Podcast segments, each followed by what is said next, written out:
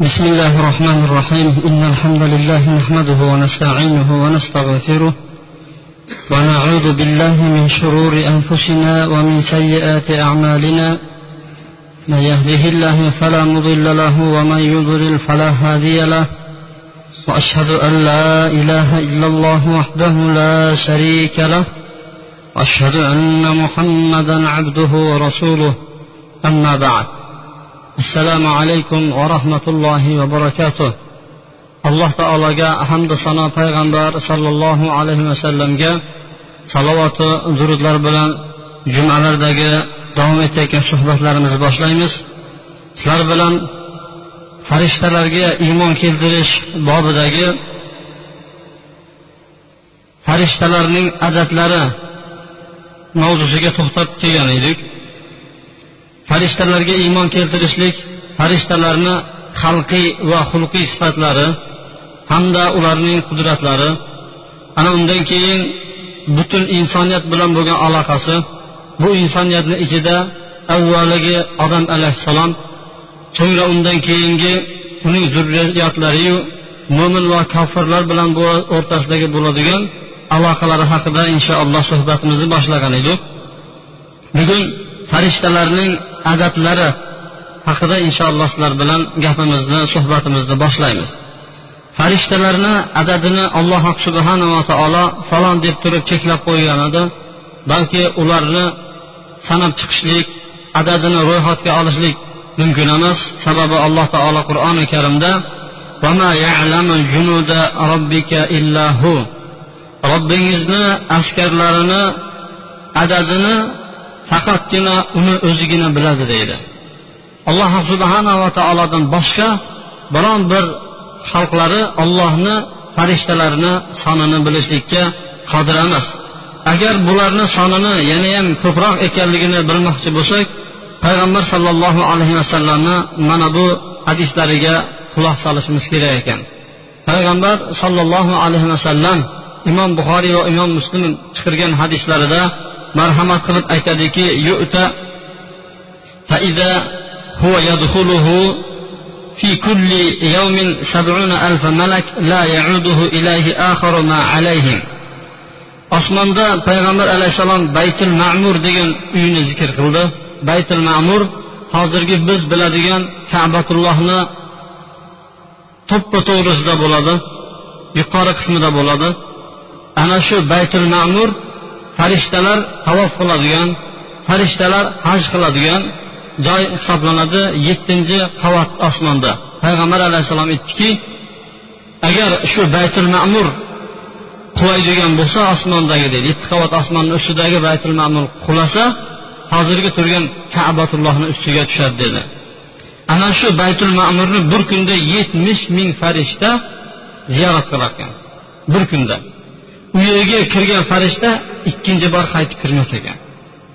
Tasavvur qilaylik bizlar yetmish ming farishta har kuni ziyorat qiladigan bo'lsa ikkinchi marta yoqqa qaytib kelishni iloji bo'lmayotgan bo'lsa dunyo yaralgandan tortib to oxiri zamongacha yetmish ming farishta u yerga kirib ibodat qilib ziyorat chiqadigan bo'lsa farishtalarni soni qanchaga yetadi? Yetmish ming kuniga odam bolasi tug'ilmaydi hech qachon. Farishtalar agar dunyo miqyosiga qiyoslanadigan bo'lsa odam farzandlaridan nechi million nechi milliard barobar farishtalarni ko'pligini mana shu hadislardan bilib chiqamiz. Hattoki mana jahannamni payg'ambar alayhissalom aytadiki imom muslim rivoyatlarida abdulloh roziyallohu anhudan rivoyat qilinadi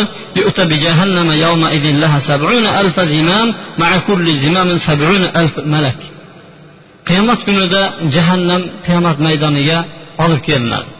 Shunda jahannamni ya'ni do'zaxni yetmish ming tizgini bo'ladi. Yetmish ming tizginini har birida yetmish ming farishta sudrab olib keladi dedi payg'ambar alayhissalom. Bundan ham nima qiladi? Farishtalarni adadlari soni ko'pligi ma'lum bo'ladi.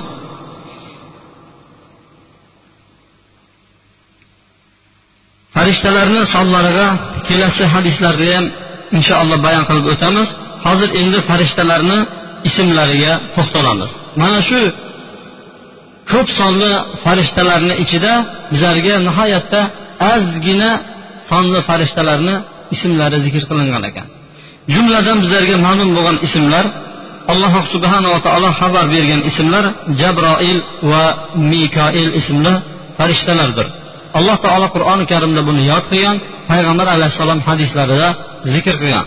Alloh taolo baqara surasida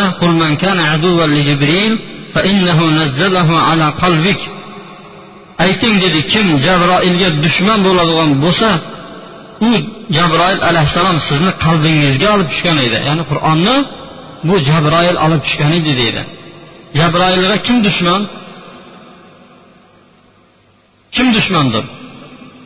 Jabroil alayhissalomga yahudiylar dushman chunki bu har doim urush janjal bo'layotgan joylarda paydo bo'ladi mana badr jangida ham bosh bo'lib tushgan jabroil alayhissalom o'zi payg'ambar alayhissalom bilan ko'pgina janglarda ishtirok etganligi uchun bu bizni dushmanimiz deydi alloh taolo aytyaptiki ayting dedi kim jabroilga dushman bo'ladigan bo'lsa bu sizni qalbingizga nimadir qur'onni olib tushgan edi biiznillah allohni izni bilan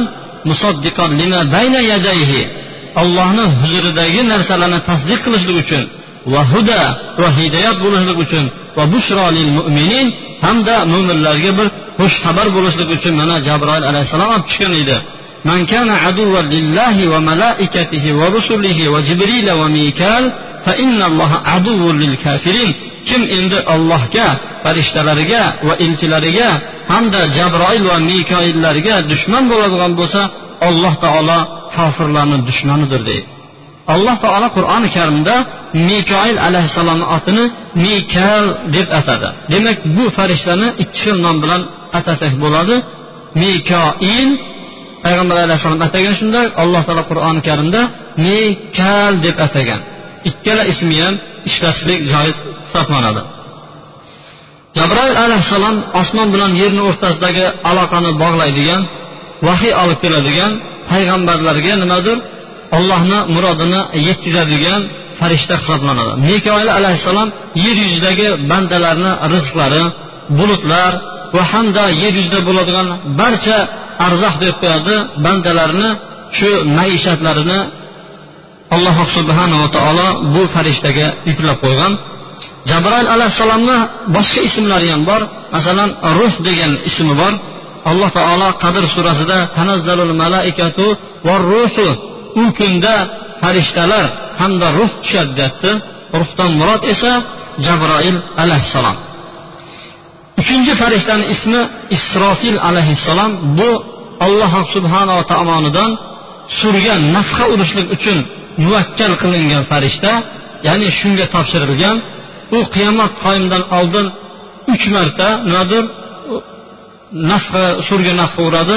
Qaf surasini tafsirlarida sizlarga bularni aytib o'tganmiz. Molik bu jahannam ya'ni do'zax posboni do'zaxda azob beruvchi farishta hisoblanadi. Alloh taolo qur'oni karimda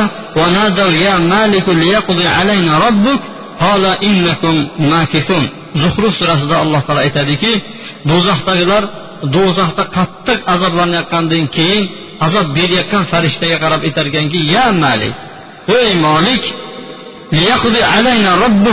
robbing bizni o'ldirib qo'ya qolsinta derkan. Azoblarni judayam qattiq bo'lib ketdi bizani endi o'ldirib qo'ya qolsin bo'ldi yashamay qo'ya qolayoq desa nima derkan u sizlar ana shu yerda qolasizlar degan javobni olishadi. U molik nihoyatda ulkan buyuk va mehr shafqat nima bilmaydigan judayam qo'pol farishta bo'ladi jahannamda azob beradigan ya'ni jahannam posboni hisoblanadi. Shuni aksi jannatdagi jannat posboni bo'lgan farishta ridvon deyiladi. Payg'ambar alayhissalom buni hadis sahih hadislarida aytganki bu jannatda jannat posboni hisoblanar ekan. yetti va oltinchi raqamdagi farishtalar munkar va nakir ismli farishtalar bular qabrdagi savol javobga muvakkal qilingan ya'ni shunga ishi topshirilgan farishtalar hisoblanadi. Ikkalasi ham kirib bandani qabrda savol javob qiladi. Nakir va munkar. Nakir va munkar degani notanish begona tanimaydi degan ma'noni bildiradi. Ya'ni kirib kelayotgan paytda uni tanilmaydigan bir suratda bir inson ko'rgan paytda xursand bo'lmaydigan ko'rinishda ko'rinib kelib savol javob qiladigan farishtalar. Sakkiz va to'qqizinchi raqamdagi farishtalar horut va morut bu bobil shahrida odamlar sehr ilmi bilan shug'ullanib ketgan paytda shu sehrni o'rgatishlik uchun nozil bo'lgan farishtalar olloh nozil qilgan farishtalar lekin o'rgatishdan oldin o'rganma o'rgansang kofir bo'lasan deb turib keyin o'rgatishadi. Ya'ni kofir bo'lganlaridan keyin alloh taolo imtihon qilishlik uchun tushirgan torut va morut ismli farishta va navbatdagi farishta azroil alayhissalom. Azroil alayhissalom haqida qur'oni karim va na payg'ambar sollallohu alayhi vasallamni hadislarida mana shu ism bilan yaqqol kelgan. Balki payg'ambar alayhissalom azroil degan so'zni tilga olmagan alloh taolo qur'oni karimda ham azroil degan so'zni tilga olmagan balki bu farishtani ismi malakul mavt o'lim farishtasi deyiladi. Ya'ni jon olguvchi farishta deb ataladi. Faqatgina bu bizni bu dinimizga isroiliyat deydi. Ya'ni yahudiylarni hikoyalarini ta'siri ostida bu ummatni ichiga ham kirib kelgan so'z hisoblanadi. Aslida bu payg'ambar alayhissalom ishlatmagan lafz azroil deb aytmagan balki malakul mavt deb yuritilgan. Keyingi farishtalarni raqib va atib farishtalari deydi. Raqib va atib farishtalari ya'ni o'ng va chap tomondagi doim hoziru nozir yozib turadigan farishtalarni ismi deydi. Ba'zilar ba'zilar yo'q bu ism emas. Raqib va atib degan hoziru nozir degan ma'nolarni bildiradi. Bu farishtalarni ismi emas deb ulamolar aytishadi. Keyingi farishtalar haqidagi bizni bilishimiz kerak bo'lgan e'tiqod farishtalar ham odamlarga o'xshab turib vafot etadimi yo'qmi? Albatta alloh subhanava taolodan boshqa hamma narsa yo'q bo'ladi. Qur'oni karimda alloh taolo marhamat qilib Kul kullu shayin halikun illa vajhahu har bir narsa bor ekan bu halok bo'luvchidir. Magar robbimizni yuzidan boshqasi degan. Farishtalar ham mana shu umumiy oyatni ostiga kirib ketishadi. Ammo birinchi qiyomatda surga nafqa urgan paytda alloh taolo qur'oni karimda aytadiki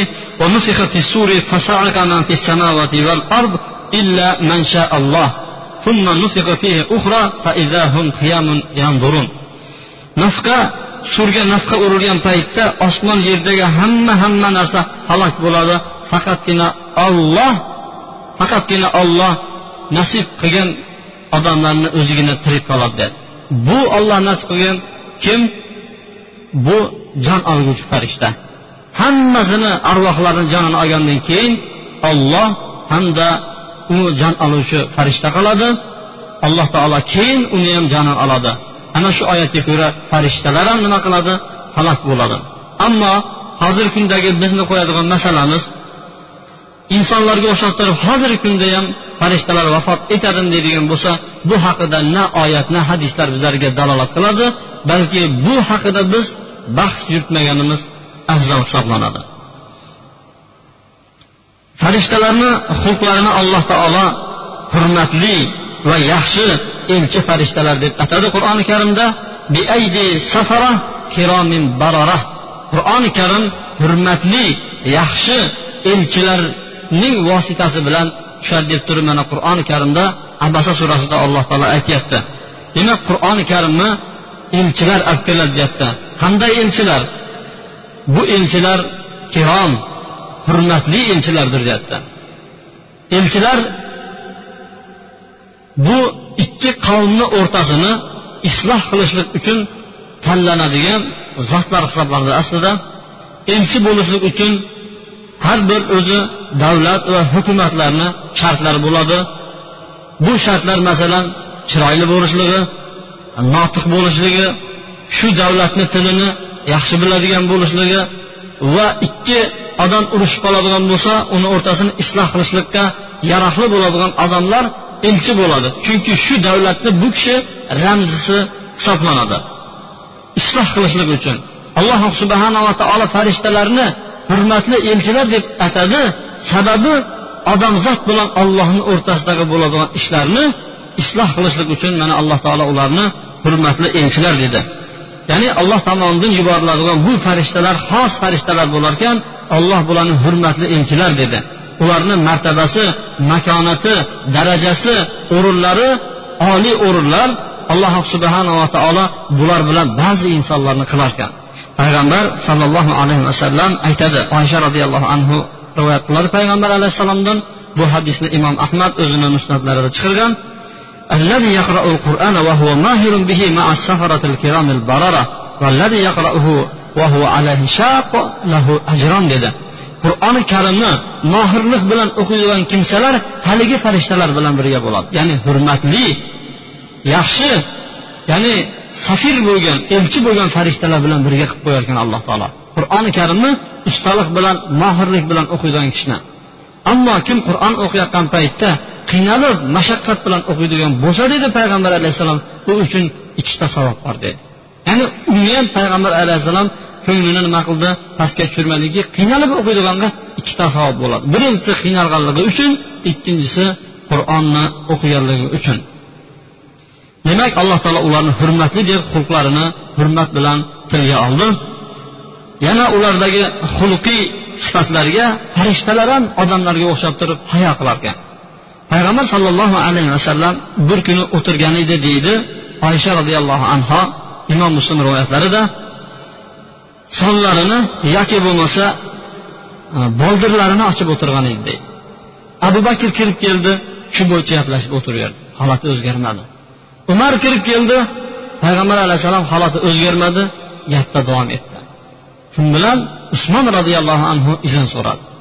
Izn berildi payg'ambar alayhissalom tezda turdi tag'in nima qildi? Oyoqlarini bekitib oldi. Suhbat tugagandan keyin oysha roziyallohu anhu yo rasululloh abu bakr kelgan paytda shu bo'yicha turdingiz. Umar kelganda shu paytda shu, shu holatda turdingiz. Usmon kelgan paytda siz yolvoldingizu bu qandoq holat degan paytda payg'ambar alayhissalom aytdiki maloikalar uyaladigan hayo qiladigan kishidan man qanday qilib uyalmayin dedi. Maloikalar ham uyaladi u kishidan endi. Shunchalik hayodor bo'lganligidan mana sahibi hayo sahibi bo'lganligidan farishtalar ham undan uyalar ekan demak farishtalar ham nima qilar ekan ularda ham hayo sifati bilan sifatlanar ekan endi farishtalarni qudratlariga to'xtalib o'tamiz. Farishtalarni qudrati ular shakllanishlikka qodir ekan. Bir turdan ikkinchi shaklga o'tishlikka qodir ekan. Bu shakllanishlik bizani ko'proq ertaklarimizda o'qiganmiz. Bir dumalab turib ikkinchi shaklga yana bir dumalab turib boshqa bir shaklga kirib qolishligini aslida mana shu farishtalar va jinlarni shakllanishiga qarab turib insonlar o'ziga ko'chirib olgan farishtalar ham boshqa boshqa bir shakllarga kira bilar ekan xususan bashar surati ya'ni insonni shakliga kira bilar ekan alloh taolo qur'oni karimda واذكر في الكتاب مريم إذ انتبذت من أهلها مكانا شرقيا فاتخذت من دونهم حجابا فأرسلنا إليها روحنا فتمثل لها بشرا سويا. قالت إني أعوذ بالرحمن منك إن كنت تقيا. قال إنما أنا رسول ربك لأهب لك غلاما زكيا. ey muhammad alayhissalom qur'onda maryamni zikr qilin eslangki maryam o'zini ahlidan quyosh botar tomonga qarab turib odamlarni nima qildi? Parda ostiga o'zini oldi. Ya'ni chetlanib bekinib oldi. Shunda bekingan paytlarida biz unga o'z ruhimizni ruh ya'ni jabroil alayhissalom yubordik. Maryamga bu ruhimiz bad e, rost ro'y inson suratida ko'rindi. Ko'rinib aytdiki ko'ringan paytda man sandan dedi agar san ollohdan qo'rquvchi bo'ladigan bo'lsang dedi sandan ollohdan panoh so'rayman dedi. San menga qo'l tekkizmagin dedi. Shunda aytdiki man dedi robbingni senga yuborgan ya'ni bir pokiza g'ulom berishlik uchun pokiza bir o'g'il farzand berishlik uchun yuborilgan robbingni elchisi bo'laman dedi. Ya'ni maryamni oldiga inson suratida kelgan ekan hamda ibrohim alayhissalomni oldiga ham inson suratida kirib kelishgan lut alayhissalomni oldiga ham farishtalar go'zal yigitlarni suratida keladi. Lut alayhissalomni qavmi o'zlaridan ilgarigi insonlar qilmagan ish bilan shug'ullanishadi. Ammo hozirgi paytda bor desak mubolag'a qilmagan bo'lamiz. Lut alayhissalom davrida shu ish boshlanadi. Luttibozlik deydi.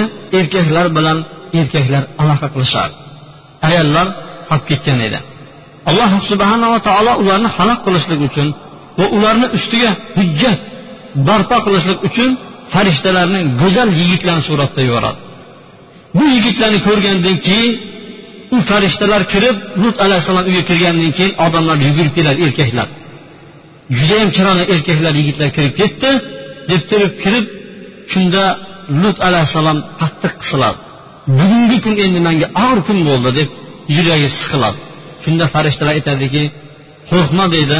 Ular qo'l cho'zisholmaydi zarar yetkazolmaydi. Biz ularni halok qilishlik uchun kelgan farishtalarimiz deb o'zlarini tanittiradi bunda ham farishtalar go'zal yigitlarni suratida kirib kelishgan edi. Yana payg'ambar alayhissalomni oldiga jabroil alayhissalom arobiy suratida ham kirib kelgan. Buni hammangizlar bilasizlar. Bir kuni o'tirgan paytda deydi umar ibn hattob bizni oldimizga oppoq kiyimni kiygan sochlari qop qora bir arobiy keldi degan hadisni hammangizlar bilasizlar. Va hamda jumalarda mana payg'ambar alayhissalom hadislarida kelgan qissalar haqida gapirganimizda bir farishta kelib turib payg'ambar sollallohu alayhi vasallam xabar bergan edi. Ko'r pes va kalni oldiga kelib turib odam suratida kirib kelgan edi. Bular ham qanaqandir odam suratida ko'ringan. Payg'ambar alayhissalom oldiga jabroil alayhissalom ko'proq dihiyati ibn halifatil kalbiy degan sahobiyni suratda keladi. Bir kuni oysha onamiz aytadiki payg'ambar alayhissalom dehyatil kalbiy bilan gaplashib turgan edi. Dehyatil kalbiy payg'ambar alayhissalom otda bo'lgan paytda otni tizginini ushlab gaplashib turgan ekan. Shunda aytadiki oysha onamiz uzoqdan ko'rgan paytda mana bu dedi jabroil alayhissalom dedi sizga salom beryapti dedi. Payg'ambar alayhissalom aytdi oysha roziyallohu anhu anho salomlariga javob qaytargan ekan. Demak ular shakllanishlikka qodir ekan. Farishtalar hozirgi kunda inson bolasi biladigan tezlikdan ham katta tezlik bilan harakat qiladi. Inson bolasi bilgan tezlikdan eng kattasi qaysi tezlikdir? Yorug'lik tezligi hisoblanadi. Bir sekundda qancha joyga boradi? Ming hisobi bo'yicha bir ming bir yuz sakson olti ming mil tezlik bilan nima qiladi? Shunday tezlikni bosib o'tadi bir soniya paytda. Ammo farishtalarni tezligi bundan ancha muncha yuqorida. Payg'ambar sollallohu alayhi vasallamni oldiga odamlar kelib turib savol berardi. Hali savolini tugatmasdan turib payg'ambar alayhissalom shuni javobini bilmas edi.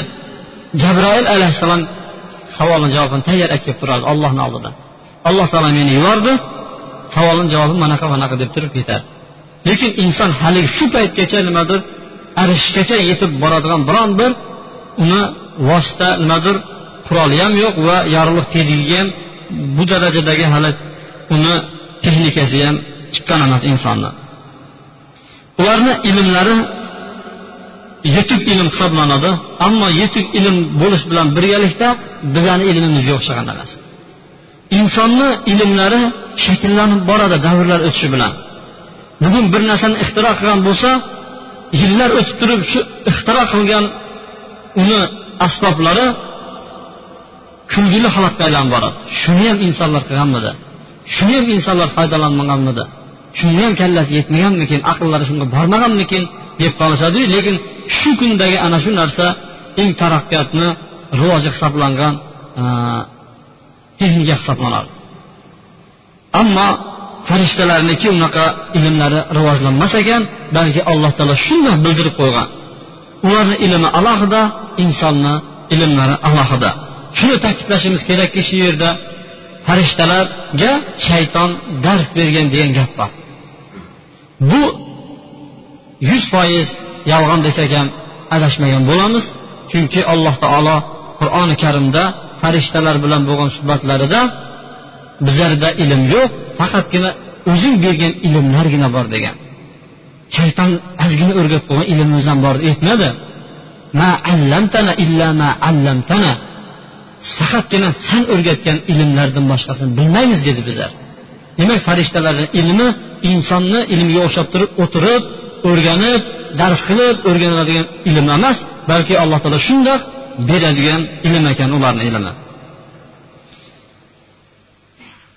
Farishtalar malail aloda ya'ni yuqorida o'zlarini o'rtasida suhbatlar uyushtirishar ekan ya'ni alloh taolo vahiy qilgan narsalar haqida o'rtalarida bahs qilar ekan payg'ambar sollallohu alayhi vasallam aytadi ibn abbos rivoyat qilgan imom ahmad va imom termiziy o'zini sunanlarida keltirgan ahmad musnatlarida chiqargan hadis. Payg'ambar sollallohu alayhi vasallam aytadi bu hadisda boshqa bir yo'llari bilan ham rivoyat qilib bersak yaxshiroq bo'lardi. Payg'ambar alayhissalom bir kuni bomdod namoziga kechikib qoladi sahobalar aytadiki biz qo'rqdik deydi. Shu quyosh chiqay chiqay deb qoldi. Shu chiqib ketsa kerak deb qo'rqib turdi. Payg'ambar alayhissalom shoshqanlaricha chiqdi. Namozni o'qib bo'lgach bizga qarab turib aytdiki nima uchun man kech chiqdim bilasizlarmi dedi. Tunda man namoz o'qidim. Namoz o'qib turib namozda uxlab qolibman dedi. Uxlab qolgan edim yana endi davomi mana bu yerdan ketadi shu tunda yotganimda namoz uxlab qolgan edim robbim tabaraka va taolo go'zal suratda meni oldimga keldi. Ey muhammad ey muhammad bu malail aloda nima gaplar haqida bahs bo'layotganini bilasizmi dedi payg'ambar alayhissalom qultula yo'q deb javob berdim وضع يده بين كتفي حتى وجدت بردها بين ثديي keyin alloh taolo o'zini kaftini meni ikki yelkamga qo'ydi ikki yelkamga qo'ydi hattoki buni sovuqligini ko'kragimdan sezdim deydi alloh taolo o'zini kaftini yelkamga qo'ydi. Uni sovuqligini o'zimni ko'kraklarimda ham sezdim dedi. Keyin yana aytdiki ey muhammad. Munoil aloda nima gap haqida bahs bo'layotganini bilasizmi? Farishtalar nima haqida bahs qilyapti? Deganda boyagi alloh taolo qo'lini qo'ygandan keyin manda shu ilm paydo bo'ldi dedi payg'ambar alayhissalom. Aytdimki ha farishtalar kafforatlar va darajatlar haqida bahs qilyapti bahs qilishyapti dedi. Kafforat degani ya'ni yuvib tashlashlik gunohlarni o'chirib tashlashlikni kafforat deydi. Darajatlar nimadir? Bir insonni darajasini ko'tarish. Mana shu haqida gap bo'layotgan ekan deydi. Kafforatlar shundan iborat ekanki al ba'da salovat. Salovat ya'ni namozlardan keyin odam namoz o'qigan joyda qolib ketadigan bo'lsa alloh taolo shunday boyagi bandani gunohini kechirib kechirib turar ekan namoz o'qigandan keyin turib ketib shu o'tirgan joyida zikrlar tasbehlar o'tirib shuni qilib o'tirsa alloh taolo shunda boya bandani gunohini kechirib yuborar ekan va o'zini oyoqlari bilan piyoda jamoatlarga borsa jamoat namozlariga boradigan bo'lsa va va tabiat xush ko'rmagan paytda tahoratni to'liq qiladigan bo'lsa mana shu holatlarda alloh taolo bandalarini gunohlarini shundoq o'chirib yuborar ekan mana shu haqida farishtalar olamida gap bo'lyapti dedi.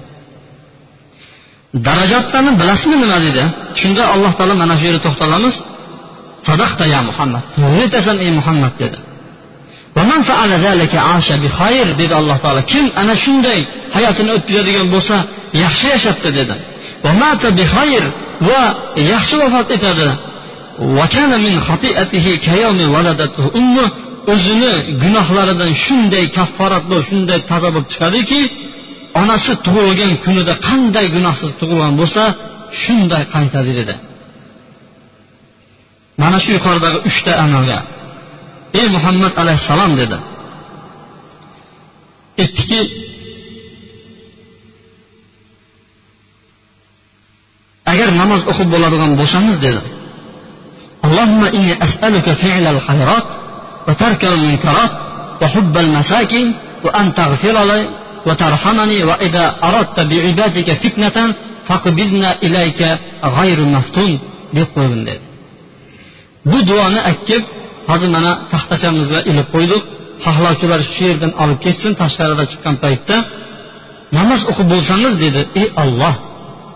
ey olloh man sandan yaxshi amallarni qilishlikni yomon amallarni tark qilishni va miskinlarni yaxshi ko'rishlikni va meni gunohimni kechirib o'z rahmatingga olishingni so'rayman. Agar bandalaringga biron bir fitnani xohlasan fitna imtihon. Ya'ni judayam og'ir imtihonni fitna deydi.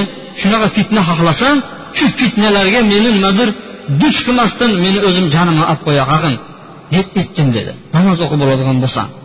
Ana shu duoni mana tashqariga osib qo'ydik hammangizlar o'zingizlarga bitta bitta olib ketishingizlar mumkin. Shu duoni namoz tugagandan keyin shu duoni o'qiydigan bo'lsa albatta alloh taolo mana o'zi o'rgatyapti shuni qabul qilaman dedi. Bu darajalar haqida ham mana al aloda gap bo'ldi dedi. Bu darajatlar nima deganda salom salomni fosh qilishlar. Ko'p aytishdi salomni uchrashsa ham ajrashsa ham kirsa ham hamma holatda tanisa ham tanimagan odamga ham assalomu alaykum deb yurishlik bu darajalarini baland baland bo'lishlikka sabab bo'lar ekan va taom berishlik. Odamlarga nimadir taomlantirishlik ham odamlarga ovqat berishlik ham bu darajatlarni ko'tarishlikka sabab bo'lar ekan odamlar uxlab yotgan paytda namozlar o'qishlik. Mana shu uchta amal darajalarni ko'tarishlikka sabab bo'ladi dedi. Demak farishtalar ham malail aloda o'zlarini o'rtasida o'zlariga maxfiy bo'lgan e, vahiy haqida mana bahs qilishar ekan ular nihoyatda ishlari tartibli va tartib ozoda bu haqida payg'ambar alayhissalom ularga ergashishlik uchun bizlarni buyurdiki farishtalar o'zlari robbilarini oldida saf tortib turgan kabi sizlar ham saf tortmaysizlarmi dedi. Sahobalar o'z o'zidan savol tashlaydiki xuddi bizlarda ham hozir hayolimizga savol tug'ildiki qanday saf tortar ekan ular? Payg'ambar alayhissalom aytdiki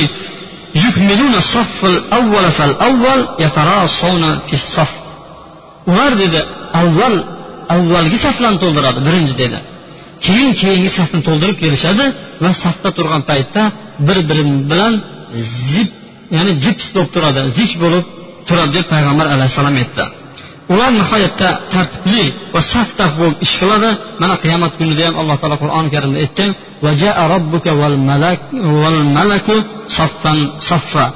qiyomat kunida robbingiz va farishtalar saf saf bo'lib keladi dedi. Abasa sura e, naba surasida esa mana amma yatasaalun surasida saffa. U kunda qiyomat kunida jabroil alayhissalom va farishtalar saf saf bo'lib turadi dedi. Boshqa bir hadislarda inshaalloh uni yana qaytarib kelasi suhbatlarimizda aytamiz. Farishtalar ollohni ustida saf bo'lib turadi. Faqatgina bu saf bo'lib turishlik muhammad alayhissalom ummatiga berilgan ekan.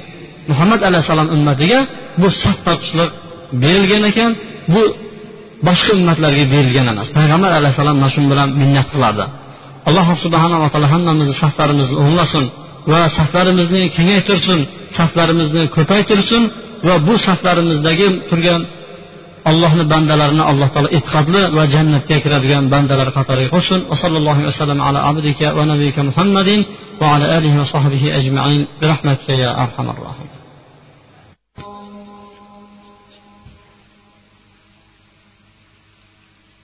إن الحمد لله نحمده ونستعينه ونستغفره ونعوذ بالله من شرور أنفسنا ومن سيئات أعمالنا. من يهده الله فلا مضل له ومن يضلل فلا هادي له. وأشهد أن لا إله إلا الله وحده لا شريك له. وأشهد أن محمدا عبده ورسوله أما بعد. payg'ambar sollallohu alayhi vasallam xabar berib aytdiki sizlar ham dedi. Farishtalar kabi saf tortganga o'xshab saf tortmaysizlarmi dedi. Farishtalar qanday saf tortadi deganda farishtalar robbisini oldida shunday saf tortadiki avvalgi saflarni to'ldirib keyingi safga o'tadi dedi.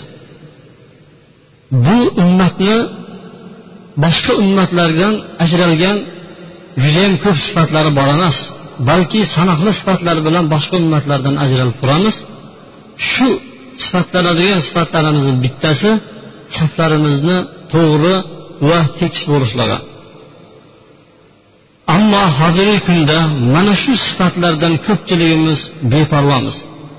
Payg'ambar sollallohu alayhi vasallam saflarga qattiq e'tibor berardi namozni hattoki safni bu tomonidan ikkinchi tomoniga o'tib turib falonchi siz chiqing falon odam siz kiring deydi.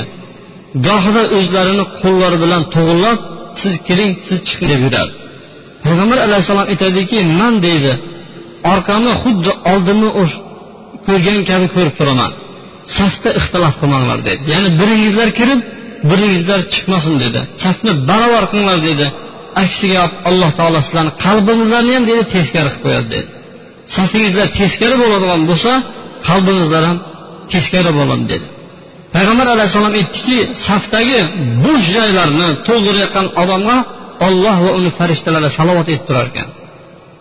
Kim namoz o'qiyotgan paytda farz namozni o'qiyotgan paytda oldida bo'sh joy topib qoladigan bo'lsa shu bo'sh joyni to'ldiradigan bo'lsa olloh va uni farishtalari u kishiga salovat aytadi agar kimni oldida bo'sh joyi bo'lib turib shu bo'sh joyga to'ldirishlik uchun o'tmaydigan bo'lsa alloh taolo undan uzilar ekan man vasala saffan vasalahulloh va man qata'a saffan qata'ahulloh kim safni to'ldiradigan bo'lsa baylab qo'yadigan bo'lsa olloh ham unga bog'lanar ekan kim safni uzadigan bo'lsa shu safga o'tmaydigan bo'lsa olloh ham undan uzilar ekan yana safdagi tartiblarni bittasi zichlashib turishlar zichlashib turish degan paytda biz shuni yaxshi tushunishimiz kerakki ba'zilar oyog'ini tekkizib oladi tag'in yelkalar tegmaydi oyoqni katta qilib ochib oladi tag'in yelka tegmay turadi. Bu hadisda talab qilingan narsa emas.